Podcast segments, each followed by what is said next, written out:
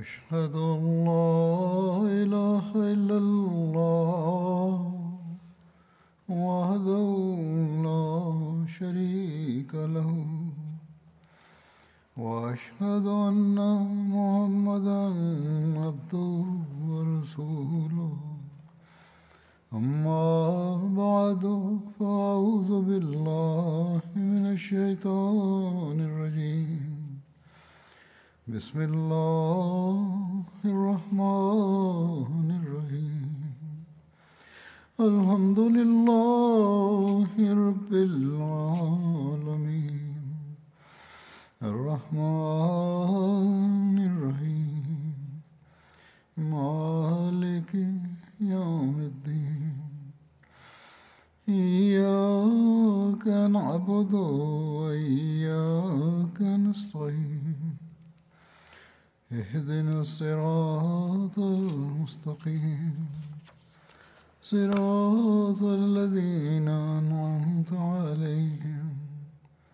غير المغضوب عليهم ولا الضالين. لقد حل رمضان وانقضى ناصرا البركات على الذين سعوا جاهدين للاستفاضة بفيوضه. ولم يبق منه إلا يومان أو لعلها ثلاثة في بعض الأماكن.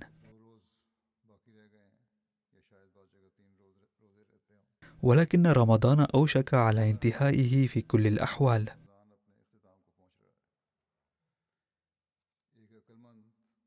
إن المؤمن العاقل والحقيقي يتذكر دوما وينبغي أن يتذكر.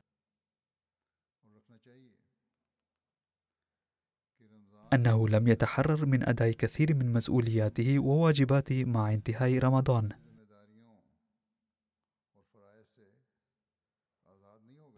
بل انقضى شهر رمضان بعد أن درب الصائمين على أداء حق تلك الفروض والمسؤوليات.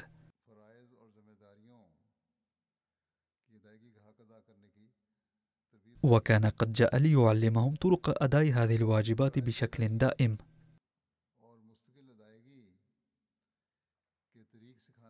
ولينبههم إلى الازدهار في هذه الواجبات.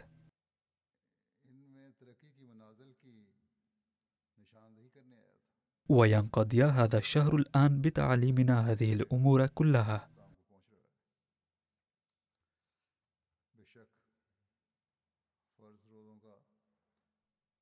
لا شك أن شهر الصيام المفروض موشك على الانتهاء.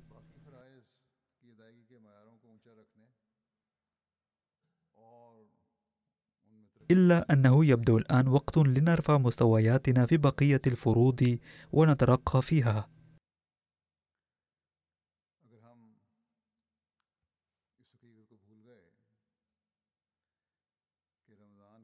ولكن إذا نسينا الحفاظ على مستويات تأدية حقوقنا وواجباتنا فكأننا لم نقضي رمضاننا وفق ما أمرنا به النبي صلى الله عليه وسلم.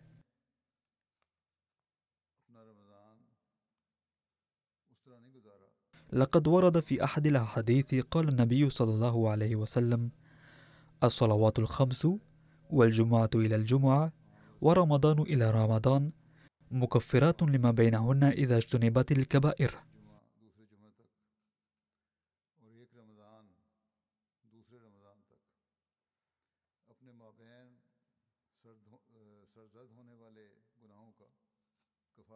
يجب أن يكون واضحا هنا أن الإنسان إذا تقاصر عن تحديد ذنوبه وأخطائه الصغيرة ولا يسعى لتجنبها ولا يتوب ولا يستغفر عند صدورها منه فإنها تتحول إلى الكبائر. فالمراد من هذا الحديث أن يكتنف الإنسان في قلبه خشية الله تعالى وخوفه. ويظل مستغفرا ليتجنب ارتكاب هذه الأمور. فإذا كنا لا نوصل رمضان إلى آخر كاسبين الحسنات ومؤدين واجباتنا والحقوق المفروضة علينا التي هي حقوق العبادات وحقوق العباد أيضا. خلال الأشهر الباقية من السنة فلم نستفد برمضان حق الاستفادة.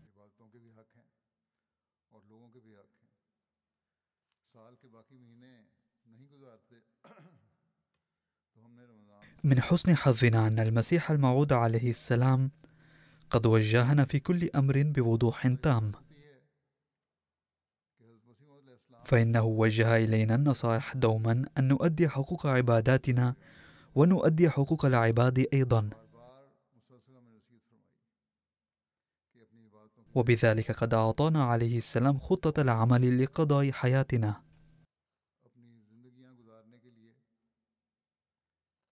وإذا جعلنا خطة العمل هذا جزءا من حياتنا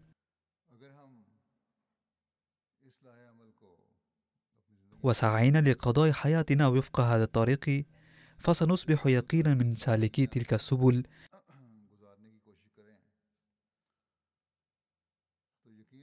التي هي سبل التقدم في الحسنات والرقي الروحاني.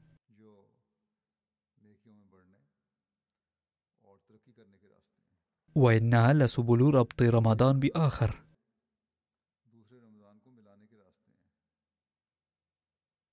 وهي سبل لتجنب ارتكاب الأخطاء خلال رمضانين وهي سبل لغفرانها. إنه لخادم صادق للنبي صلى الله عليه وسلم الذي يوجهنا مرة بعد أخرى في هذا العصر لنقضي حياتنا وفق تعاليم الإسلامية. وأننا إذا أردنا أن نرث أفضل الله تعالى فينبغي أن نعمل بنصائحه عليه السلام.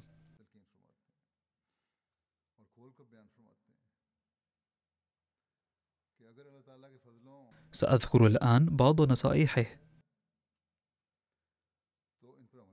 ننتبه كثيرا في رمضان إلى العبادة. ونسعى باهتمام خاص لأداء صلوات المفروضة والنوافل. ولكن فرضية الصلوات لا تخص شهرا معينا ولا وقتا معينا. بل فرض أداء خمس صلوات على أوقاتها في كل يوم من أيام الشهور الاثني عشر للسنة كلها.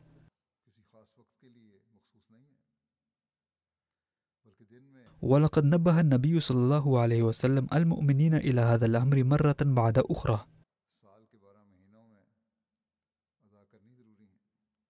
وقال صلى الله عليه وسلم مرة بين الرجل وبين الشرك والكفر ترك الصلاة. ثم قال صلى الله عليه وسلم إن أول ما يحاسب به العبد يوم القيامة من عمله صلاته فإن صلحت فقد أفلح وأنجح.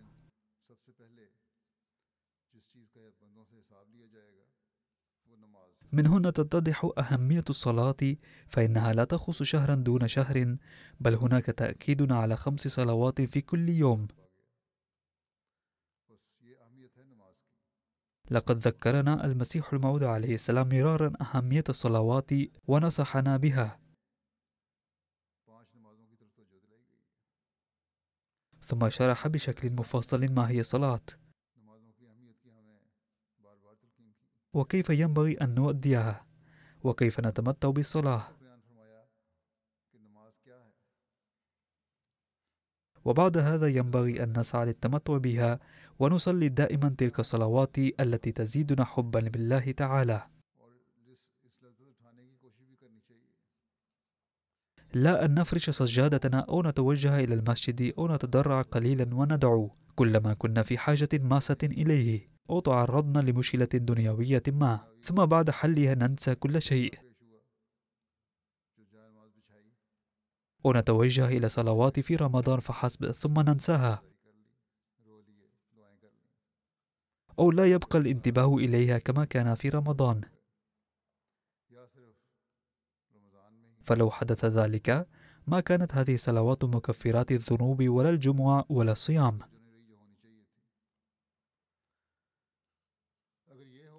كما ورد ذلك في الحديث الشريف الذي قدمته. لقد وضح لنا ذلك المسيح الموعود عليه السلام فقال ما هي الصلاة؟ إنها دعاء خاص. ولكن الناس يعدونها ضريبة الملوك أي يصلونها مضطرين. لا يدري هؤلاء الحمقى أي حاجة لله إلى هذه الأمور.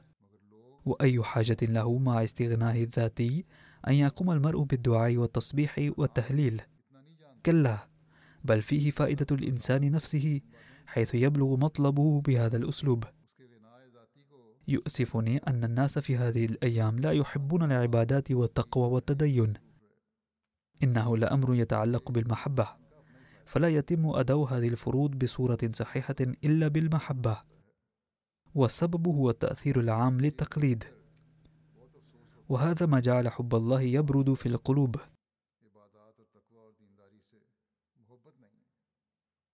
ولا يجدون في العبادة متعة ينبغي أن يجدوها. ليس في الدنيا شيء يخلو من لذة ونوع خاص من المتعة. وكما أن المريض لا يقدر على التمتع بأطيب الأطعمة بل يجده مرا ويرميه بعيدا. لأنه يتغير طعم فمه إما بتناوله الأدوية أو من شدة المرض. فلا يستمتع بلذة شيء منها مما يجعل المريض يرفض تناوله أو يذكر مساوي الطعام الذي يقدم له. قال حضرته فينبغي للذين لا يجدون في عبادة الله لذة ومتعة أن يهتموا بمرضهم.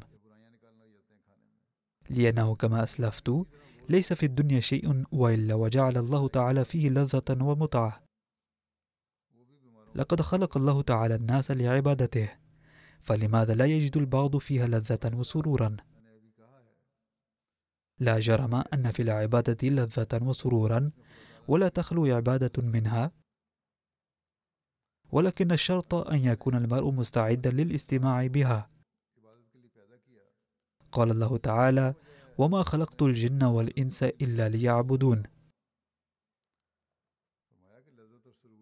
وما دام الإنسان لم يخلق إلا للعبادة فكان لزاما أن تودع العبادة لذة وسرورا إلى أقصى الحدود. نستطيع إدراك هذا الأمر بمشاهدتنا وتجاربنا اليومية. وعلى سبيل المثال لقد خلقت الغلال وكل المأكولات والمشروبات لفائدة الإنسان.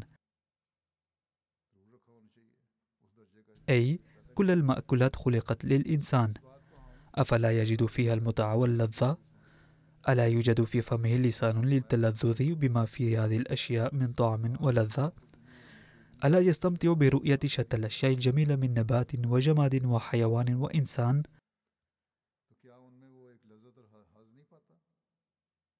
ألا يفرح قلبه وتستمتع آذانه بأصوات جميلة؟ فأي دليل يريد بعد ذلك على وجود متعة في الإبادة؟ فإذا كان الإنسان يتلذذ بكل شيء ويستمتع به فلماذا لا يتلذذ بالعبادة؟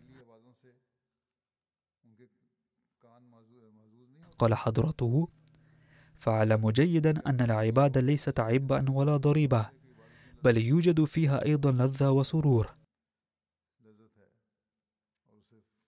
وهذه المتعة أسمى وأعلى من كافة الملذات والمتع الدنيوية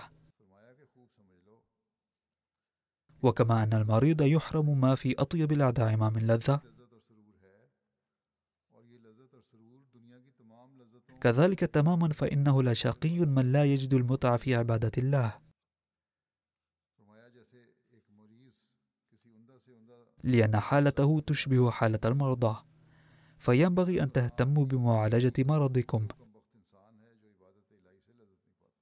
وهناك حاجة ماسة لفهم هذه النكتة. وبذل السعي للحصول على التلذذ بالعبادة وكيف يمكن للإنسان أن يتلذذ بشيء لا يدرك حقيقته؟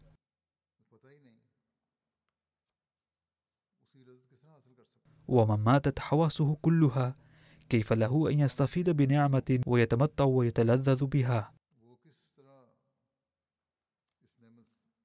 فإذا انشغل الإنسان بالأمور الدنيوية ولا يهتم بالأمور المذكورة فلا شك أنه صار مريضا. ولقد أخبر حضرته عليه السلام طريقة لحل هذه المشكلة أيضا. يقول حضرته عليه السلام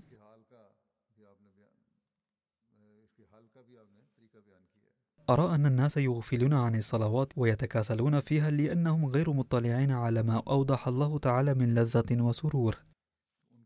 وهذا هو السبب الأكبر وراء ذلك ثم إن أهل القرى أشد كسلا وغفلة فيها حتى الخمسين بالمئة من الناس أيضا لا يحنون رؤوسهم أمام ولاهم الحق بنشاط كامل وحب صادق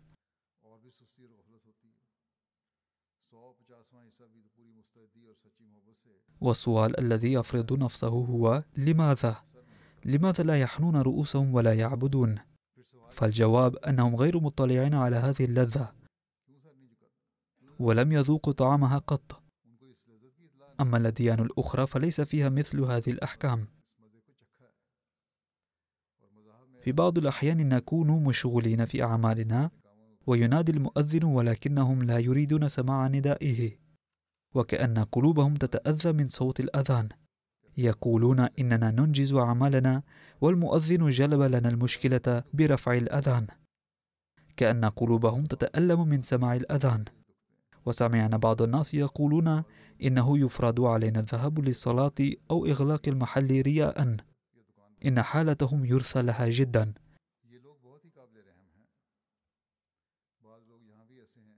هنا أيضا نجد البعض الذين محلاتهم تقع تحت المسجد. ولكنهم لا يذهبون ليقوموا في المسجد.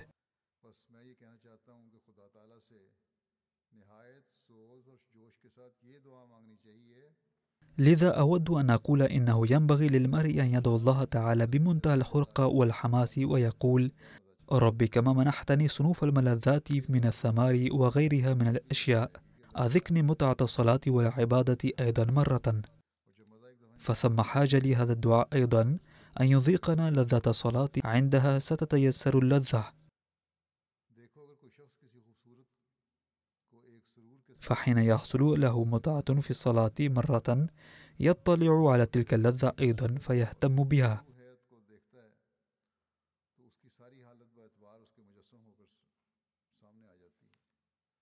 فاعلموا أن الإنسان حين ينظر إلى جميل مستمتعا فإنه يتذكره دوما. وإذا رأى شخصا دميما كريه المنظر فإنه يتجسد له بكل ملامحه حين يتذكره.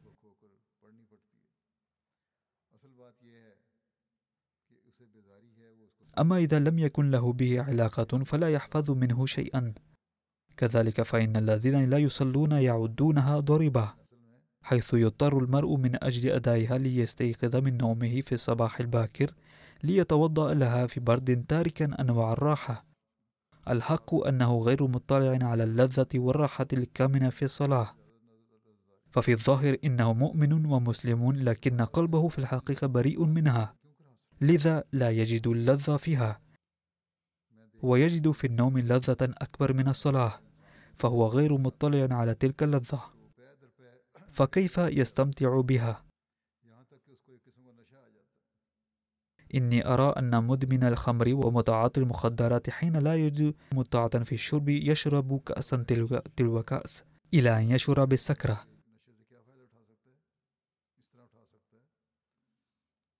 وبوسع العاقل الصالح أن ينتفي من هذه الظاهرة. وهو أن عليه أن يداوم على الصلاة إذا كان مؤمنا مخلصا.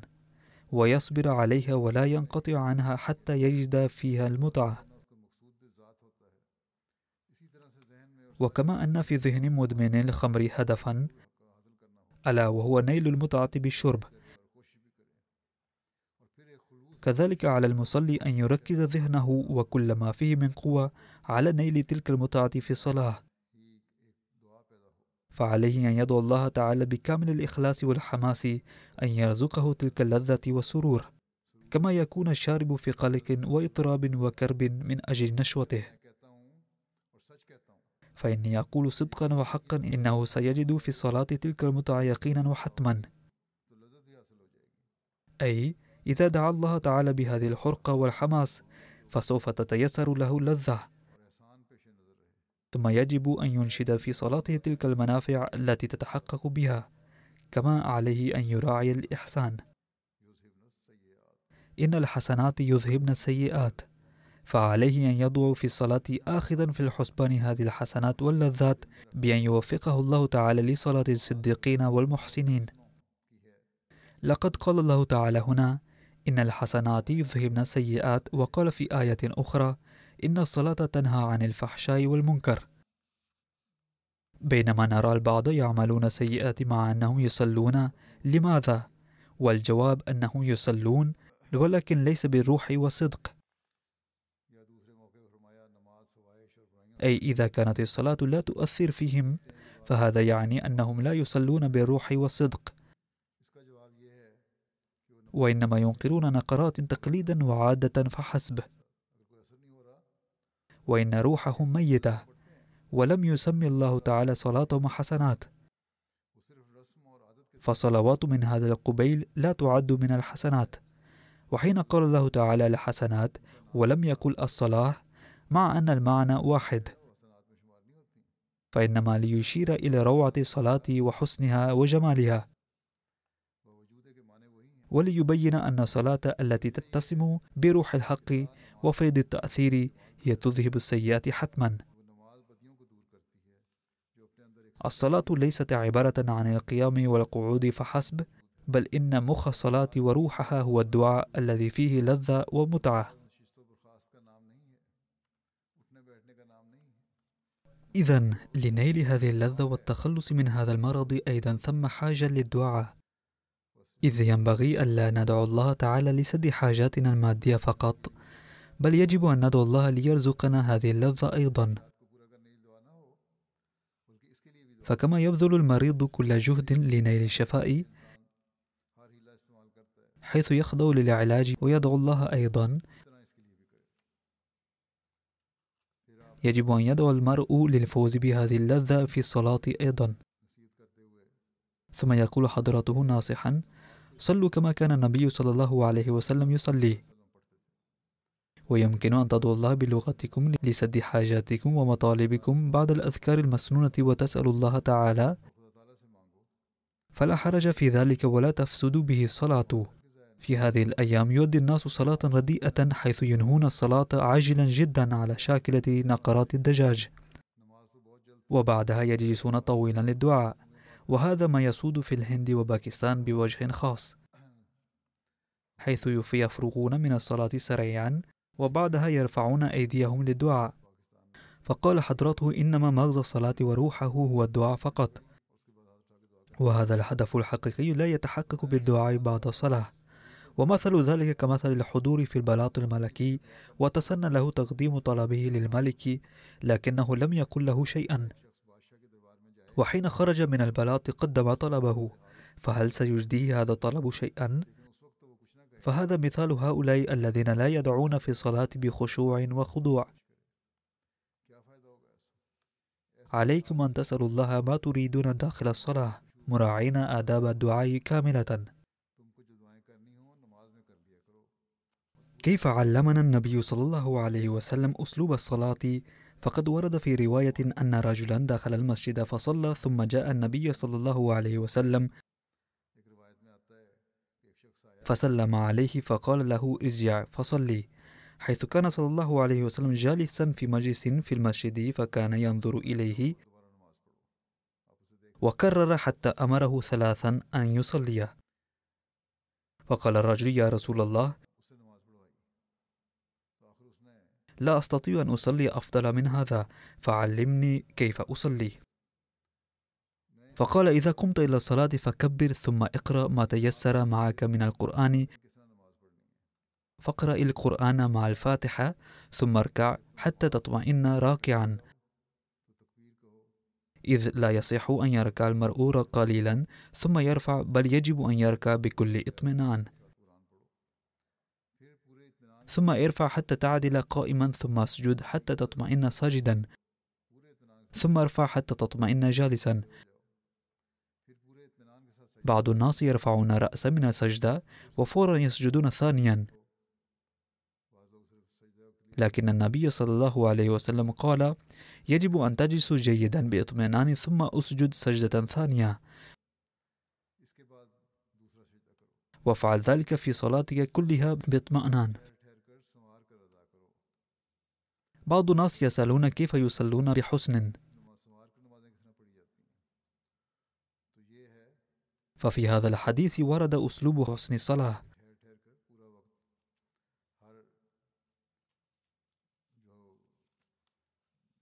حيث يجب على المصلي أن يعطي كل ركن من الصلاة حقه بإطمئنان. وبعد أداء صلاة مدركا حقيقتها يجب على المؤمن أن يقرأ القرآن ويفهمها ويهتم به.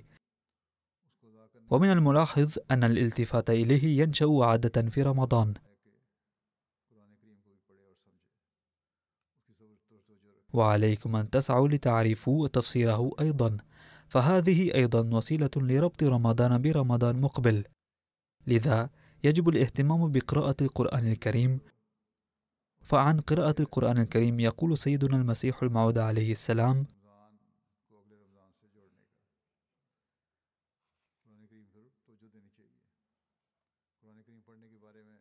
يقول عليه السلام لو لم يكن عندنا القرآن الكريم وكان مدار الإيمان والاعتقاد على مجموعة من الأحاديث فحسب لما كنا نستطيع مواجهة الأمم من شدة الخجل. لقد تدبرت في لفظ القرآن فانكشف علي أن في هذا اللفظ المبارك نبأ عظيما بأن القرآن وحده كتاب جدير بالقراءة. وسيصبح أجدر بالقراءة في الزمن الذي تجعل كتب أخرى شريكة معه في القراءة. وعندها سيكون هذا الكتاب وحده جديرا بالقراءة للذود عن شرف الإسلام واستئصال الباطل. وتكون الكتب الأخرى كلها أولى بالترك نهائيا. وهذا هو معنى الفرقان أيضا أن هذا الكتاب وحده سيكون الفارق بين الحق والباطل. ولن يرتقي أي من كتب الأحاديث أو غيرها إلى درجته ومستواه.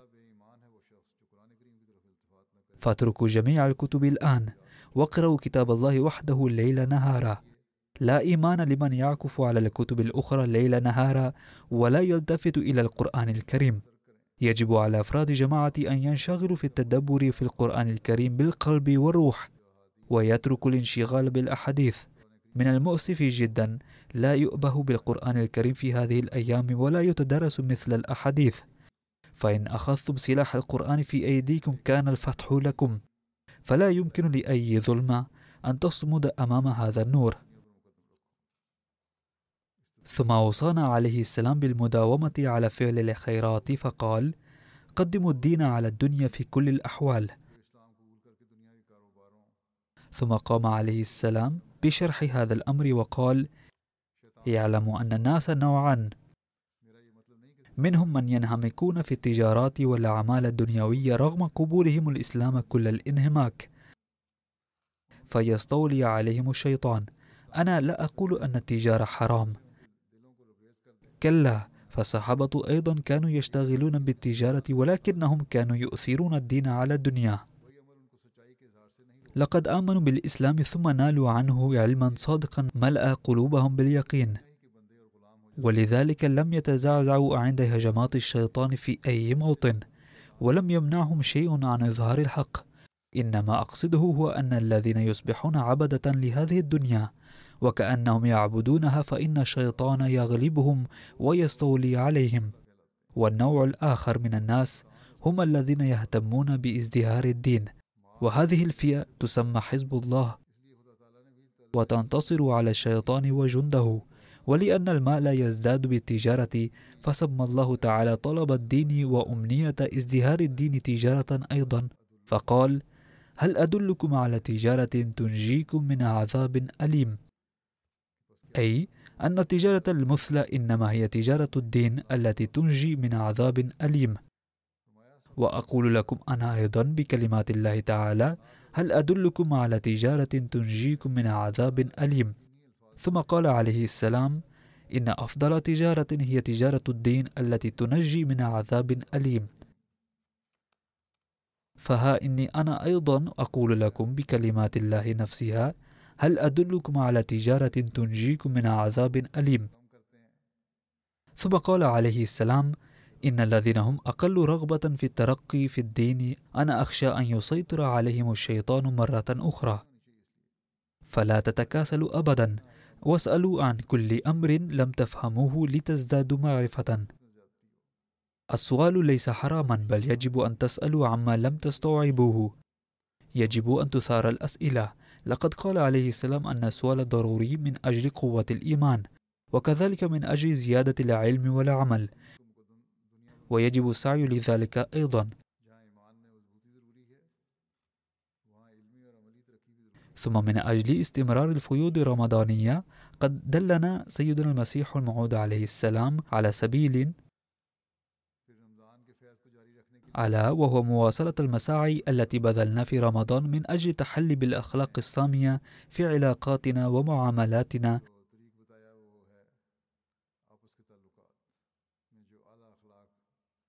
وأن نزداد محبة وتأخيا وأداء لحقوق بعضنا لبعض.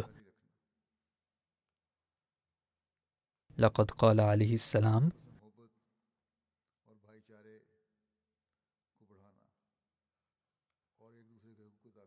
لن تزدهر جماعتنا ما لم يواسي بعضهم بعضا مواساة صادقة. على القوي أن يحب أخاه الضعيف. عندما أسمع أن أحدكم يرى من أخيه زلة فلا يعامله بحسن الخلق بل يعامله بالنفور والكراهية. مع أنه كان ينبغي له أن يدعو له ويحبه وينصحه برفق وحسن الخلق ولكنه بدل من ذلك يزداد بغضا له. وإذا لم يكن هناك العفو والمواساة فتفسد الأمور شيئا فشيئا وتصبح العواقب وخيمة. وهذا ما لا يريده الله تعالى إنما تكون الجماعة جماعة إذا واصل البعض بعضا وستر الواحد عيوب الآخر. وعندما يصبح أفراد الجماعة كجسد واحد ويصبح بعضهم كجوارح بعض ويعدون أنفسهم أشد قوة من الأشقاء. أي يجب أن يكون بين أبناء الجماعة محبة ومواساة أشد مما تكون بين الإخوة الحقيقيين. ثم قال عليه السلام لو ارتكب ابن أحدكم خطأ مثلا فإنه يستر خطأه وينصحه على انفراد. وإن الأخ يستر أخاه ولا يريد هتك ستره إن كان أخوين حقيقيين بالإشاعة بين الناس أنه قد ارتكب ظلما كذا وإثما كذا فما دام الله تعالى قد جعلكم إخوة فهل هكذا تكون حقوق الإخوة؟ إن الإخوة في الدنيا لا يتركون سبيل الأخوة فيما بينهم فلماذا تتركونه؟ ثم قال عليه السلام أحيانا يتعلم الإنسان من دابة والقرد والكلب أيضا فسبيل الفرقة الداخلية غير مبارك أبدا. ولقد ذكر الله تعالى الصحابة أيضا بسبيل هذه النعمة والأخوة. لو أنفقوا جبالا من الذهب لما نالوا تلك الأخوة التي نالوها على يد النبي صلى الله عليه وسلم. وعلى ذلك لغرار نفسه قد أقام الله تعالى هذه الجماعة ويريد الله أن يرسي الأخوة نفسها بين أبناء هذه الجماعة أيضا. إنني أأمل من الله تعالى آمالا جسيمة وقد وعدني قائلا جعل الذين تبعوك فوق الذين كفروا إلى يوم القيامة. وإنني لعالم يقينا أنه عز وجل سوف يقيم جماعة تكون غالبة على المنكرين إلى يوم القيامة. ولكن هذه الأيام التي هي أيام ابتلاء وضعف تتيح للجميع فرصة لأن يصلحوا أنفسهم ويحدثوا فيهم تغييرا طيبا. ألا إن الشكوى من الآخرين وتجريح مشاعرهم وإيذاء قلوبهم بقسوة اللسان وإزدراء الضعفاء والبسطاء إثم كبير. ثم قال عليه السلام إن جماعتنا ليست بحاجة إلى الأبطال الأشداء وإنما هي بحاجة إلى الذين هم يقدرون على السعي لتحسين أخلاقهم. الحق أن قوي البطل ليس من يقدر على نقل الجبل من مكانه. كلا إنما الشجاع حقا من يقدر على تحسين أخلاقه. فينبغي أن تستنفذوا همتكم وقوتكم كلها في تحسين الأخلاق. فهذه هي قوة والشجاعة الحقيقية. وقال حضرته عليه السلام وهو ينصحنا بالعيش بالتحب والتواضع والتواضع والمسكنة مؤدين حقوق الآخرين.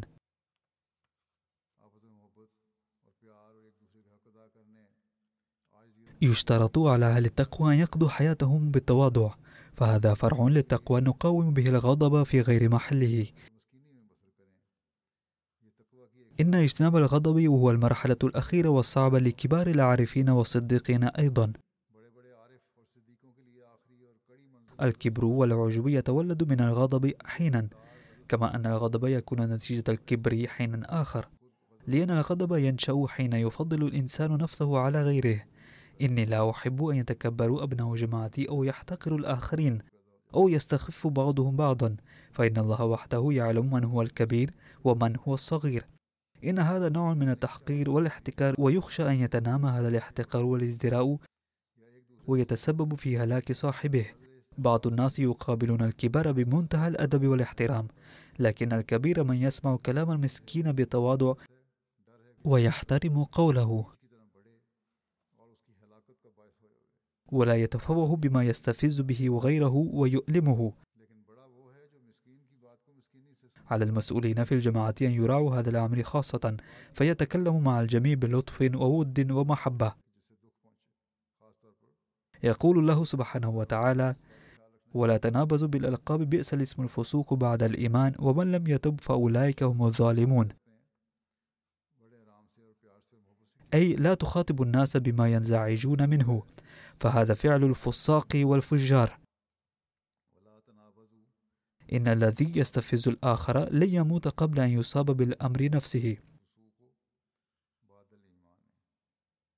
لا تحتقروا إخوانكم فما دمتم تنهلون من نبع واحد فمن يدري من الذي قدر له أن يشرب منه أكثر. لا يمكن أن يكون أحد مكرما ومعذبا بالنظر إلى مبادئ الدنيا. إنما الكبير عند الله من يتحلى بالتقوى. إن أكرمكم عند الله أتقاكم إن الله عليم خبير.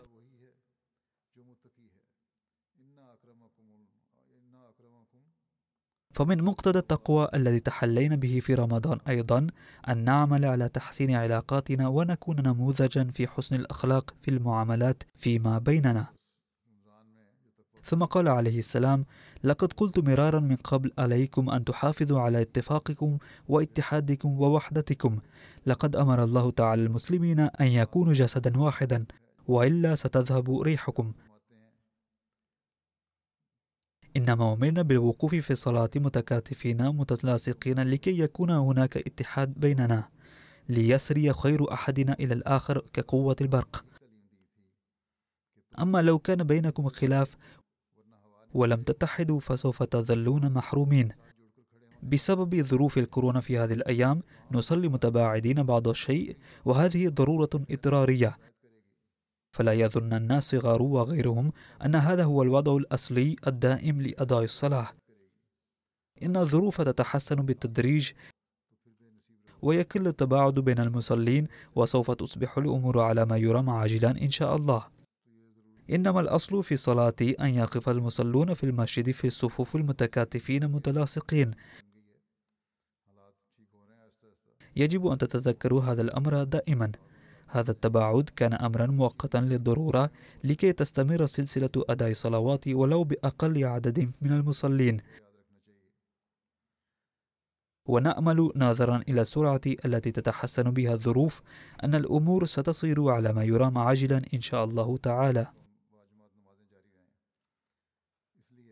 قال عليه السلام لقد قال رسول الله صلى الله عليه وسلم تحابوا وليدعو بعضكم لأخيه في غيابه هذا شيء مهم جدا ليدعو بعضكم لبعض في الغيب. سواء طلب منكم أحد الدعاء أم لم يطلب وسواء تعرفونه أم لا. إذا دعا أعضاء الجماعة لبعضهم البعض أو للجماعة كانت حسنة كبيرة. قال عليه السلام إذا دعا المرء للآخر في غيابه قال الملاك ولك مثله ما أروعه من أمر. إذا لم يستجب دعاء الإنسان فدعاء الملاك مجاب. إني أنصحكم وأريد أن أقول لكم ألا يكون بينكم اختلاف.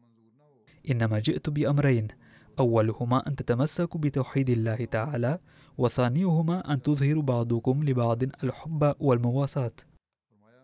فقدموا نموذجا يكون كرامة للآخرين فهذا هو الدليل الذي وجد في الصحابة رضي الله عنهم. كنتم أعداء فألف بين قلوبكم. اعلموا أن تأليف القلوب معجزة. واعلموا أنه ما لم يحب كل واحد منكم لأخيه ما يحب لنفسه فلن يعد من جماعتي بل إنه في مصيبة ولن تكون عاقبته حسنة. ثم وجه حضرته عليه السلام إلى حب الله تعالى فقال ما المراد من حب الله تعالى؟ إنما المراد هو أن يؤثر المرء مرضاة الله تعالى على والديه وزوجته وأولاده ونفسه وعلى كل شيء عزيز له. فقد ورد في القرآن الكريم فاذكروا الله كذكركم آباءكم أو أشد ذكرا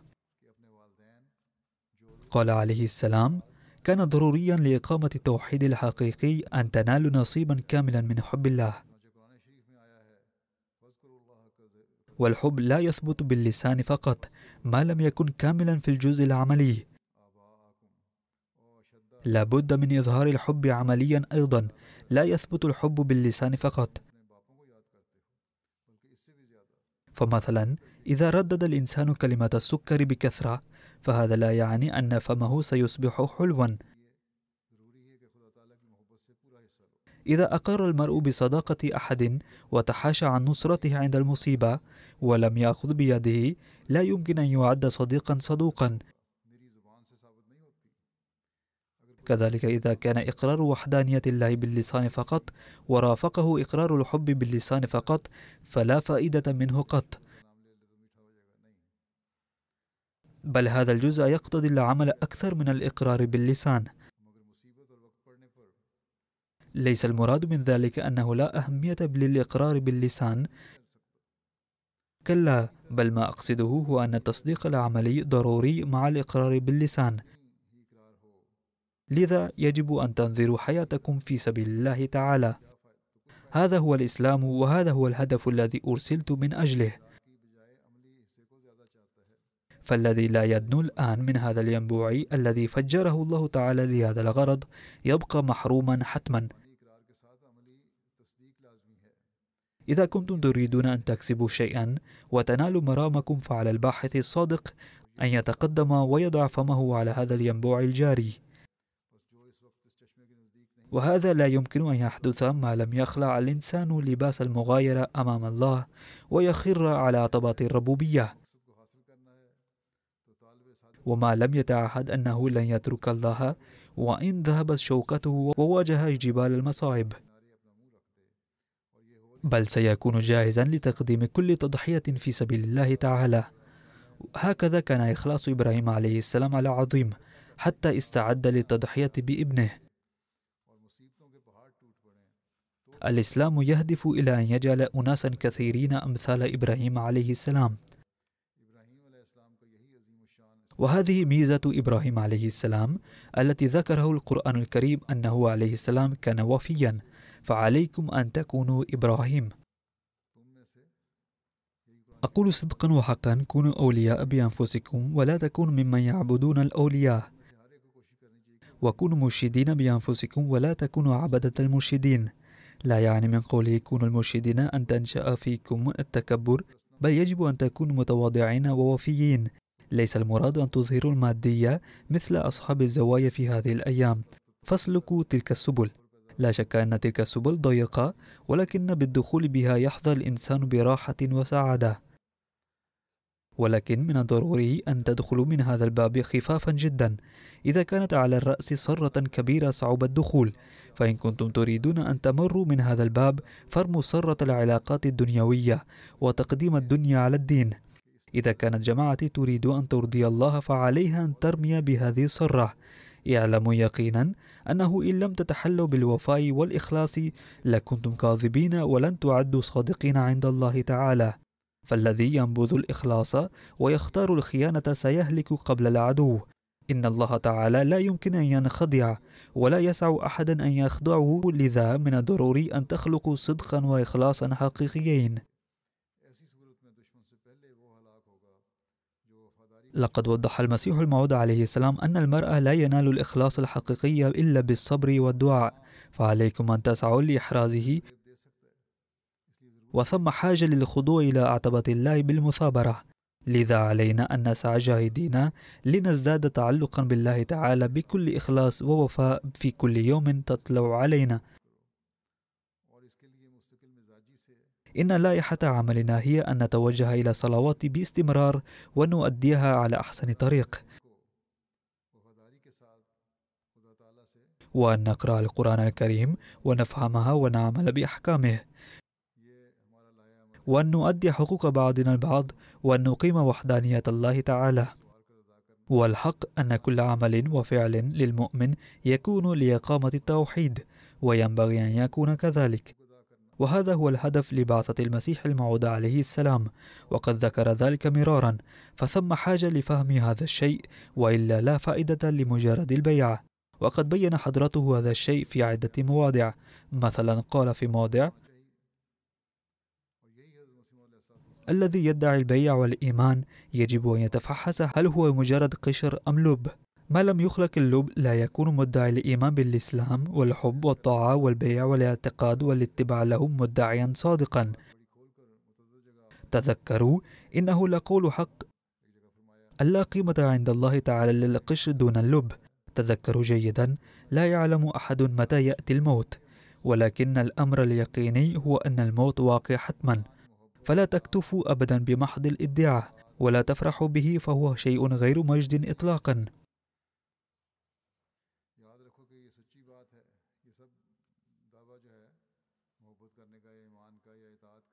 وما لم يحل الإنسان على نفسه ميتات كثيرة وما لم يخرج بكثير من التغيرات والانقلابات لا يستطيع أن ينال هدف الإنسانية الحقيقي. قال عليه السلام انظروا إلى أوضاع الدنيا اليوم. لقد أثبت نبينا صلى الله عليه وسلم بعمله أن حياته ومماته كلها لله تعالى. ولكن عندما يقال لأحد من المسلمين في هذا العصر هل أنت مسلم؟ فيقول الحمد لله إن الذي ينطق هذا بشهادته كان مبدأ حياته أن يعيش لله تعالى. أما هذا فيعيش من أجل الدنيا. ويموت أيضا من أجل الدنيا. وتكون الدنيا وحده مقصوده ومحبوبه ومطلوبه حتى يغرغر. أي المسلم العادي يذكر الله عند الموت. فكيف يحق له الادعاء أنه يتبع رسول الله صلى الله عليه وسلم؟ إن هذا الأمر جدير بتفكير كبير فلا تعده عاديا وأن يكون الإنسان مسلما ليس بأمر سهل هين فلا تطمئنوا إلى أن تتأسوا بأسوة النبي صلى الله عليه وسلم في الطاعة والإسلام. إذا كنتم تعدون أنفسكم مسلمين دون اتباعه صلى الله عليه وسلم فإنما هو قشر بدون لب والعاقل لا يرضى بالإسم والقشر فقط. ثم بين حضرته عليه السلام مثالا. لقد قال مسلم ليهودي أسلم. فقال لماذا تفرح بالاسم فقط؟ تفرح ألا أنك تسمي نفسك مسلما؟ قال اليهودي. فقد كنت سميت ابني خالدا ثم دفنته قبل حلول المساء. أي كان اسمه خالدا ولكنه لم يخلد. فتحروا الحقيقة ولا ترضوا بالأسماء وحدها. من المخجل جدا أن ينتمي المرء إلى أمة ذلك النبي صلى الله عليه وسلم ثم يعيش عيشة الكفار. عليكم أن تروا في حياتكم نموذجا محمد صلى الله عليه وسلم واتبعوه في كل الأحوال. واعلموا أنكم إن لم تتبعوه فأنتم تتبعون الطاغوت. إنه تنبيه عظيم أنكم إذا لم تتبعوه فستصبحون أتباع الشيطان. باختصار يمكن أن يفهم الآن بسهولة أن الغاية من حياة الإنسان يجب أن تكون كونه حبيب الله لأنه لن يعيش عيشة الفلاح والنجاح ما لم يصبح حبيب الله ولم يحظى بحب الله. وهذا لن يتأتى لكم ما لم تطيعوا رسول الله صلى الله عليه وسلم وتتبعوه حقا. وإن رسول الله صلى الله عليه وسلم قد أرانا بعمله ما هو الإسلام. فتحلوا بذلك الإسلام لتكونوا أحباء الله.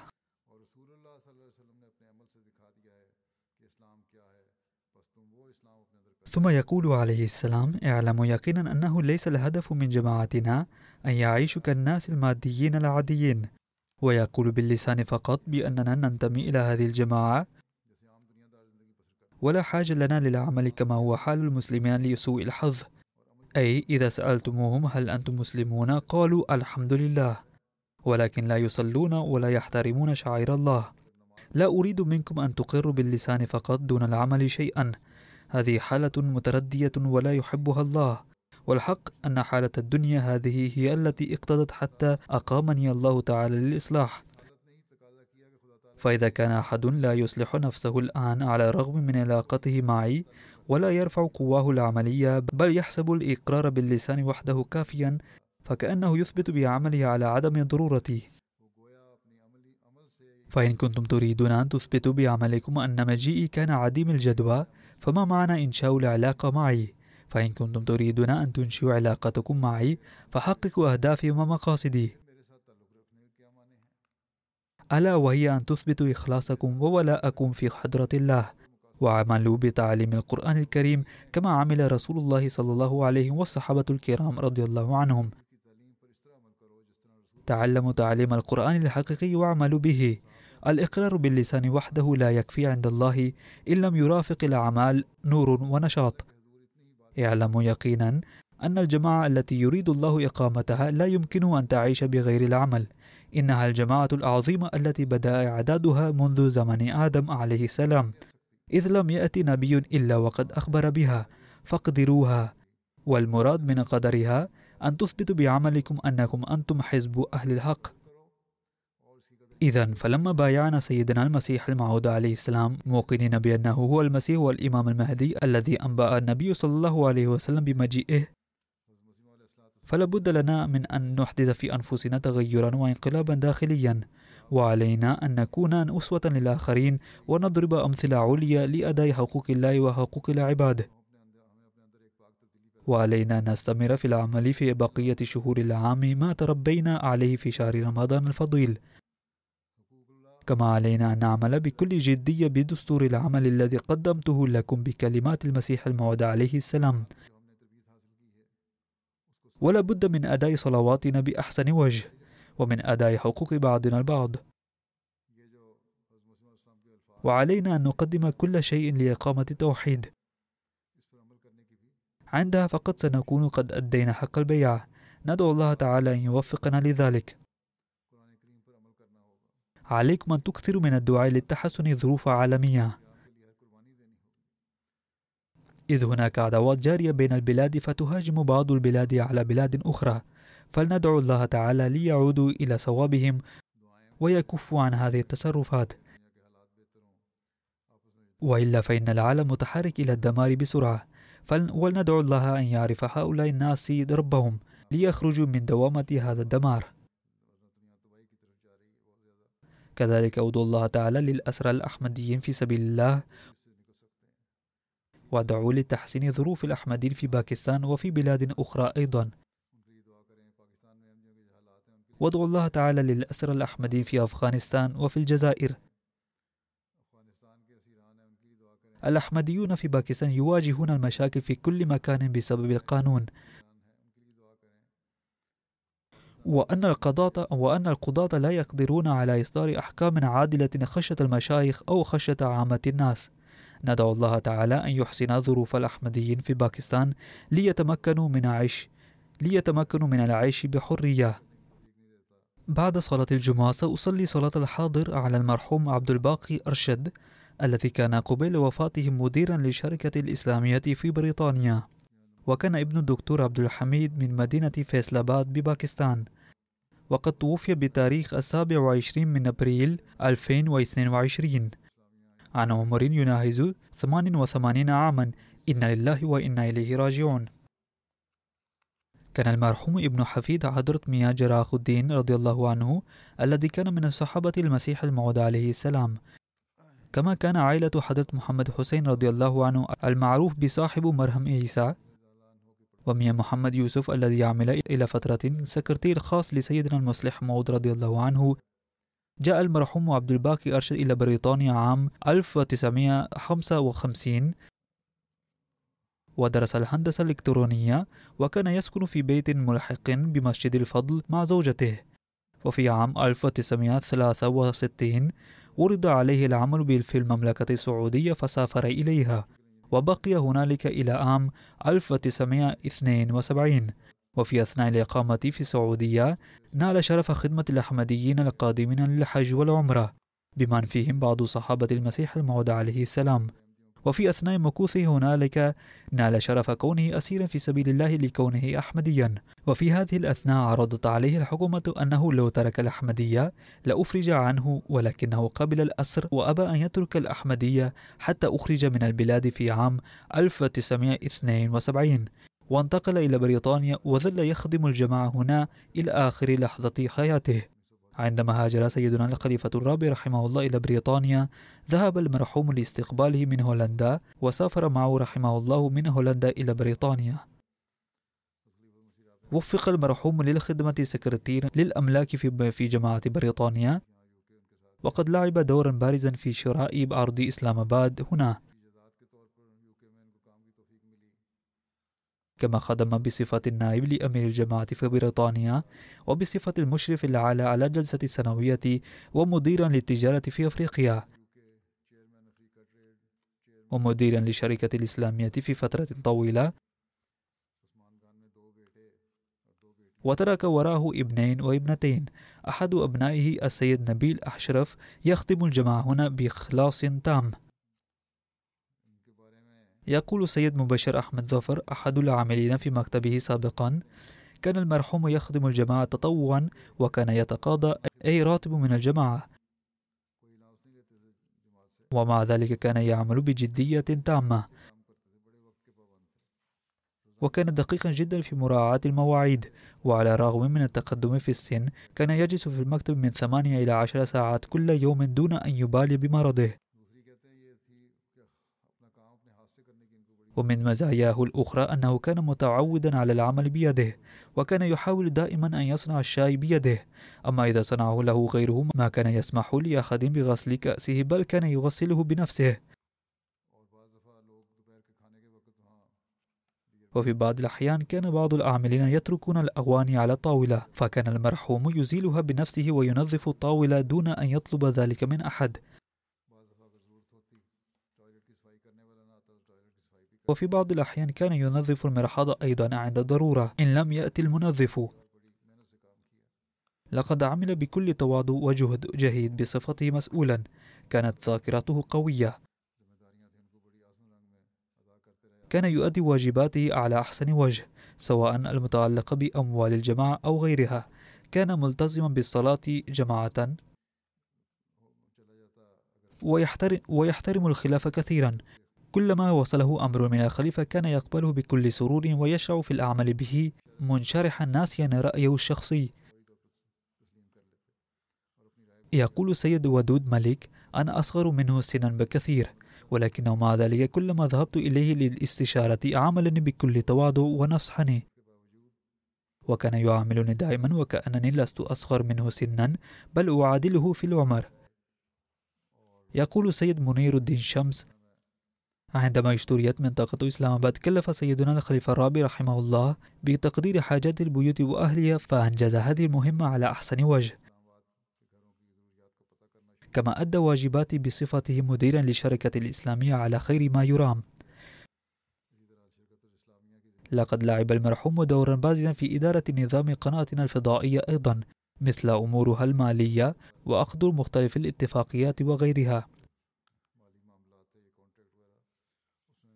ندعو الله تعالى أن يرحمها ويغفر له ويرفع درجاته ويوفق أولاده أيضا لخدمة الدين ويوفقهم للاستمرار في العلاقة الصادقة والمخلصة مع الخلافة دوما.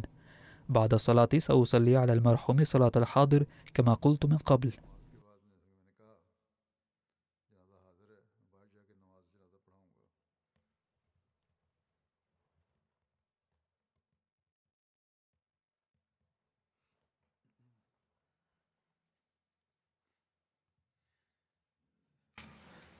الحمد لله الحمد لله نحمده ونستعينه ونستغفره ونؤمن به ونتوكل عليه. ونعوذ بالله من شرور أنفسنا ومن سيئات أعمالنا. من يهده الله فلا مضل له ومن يضلل فلا هادي له.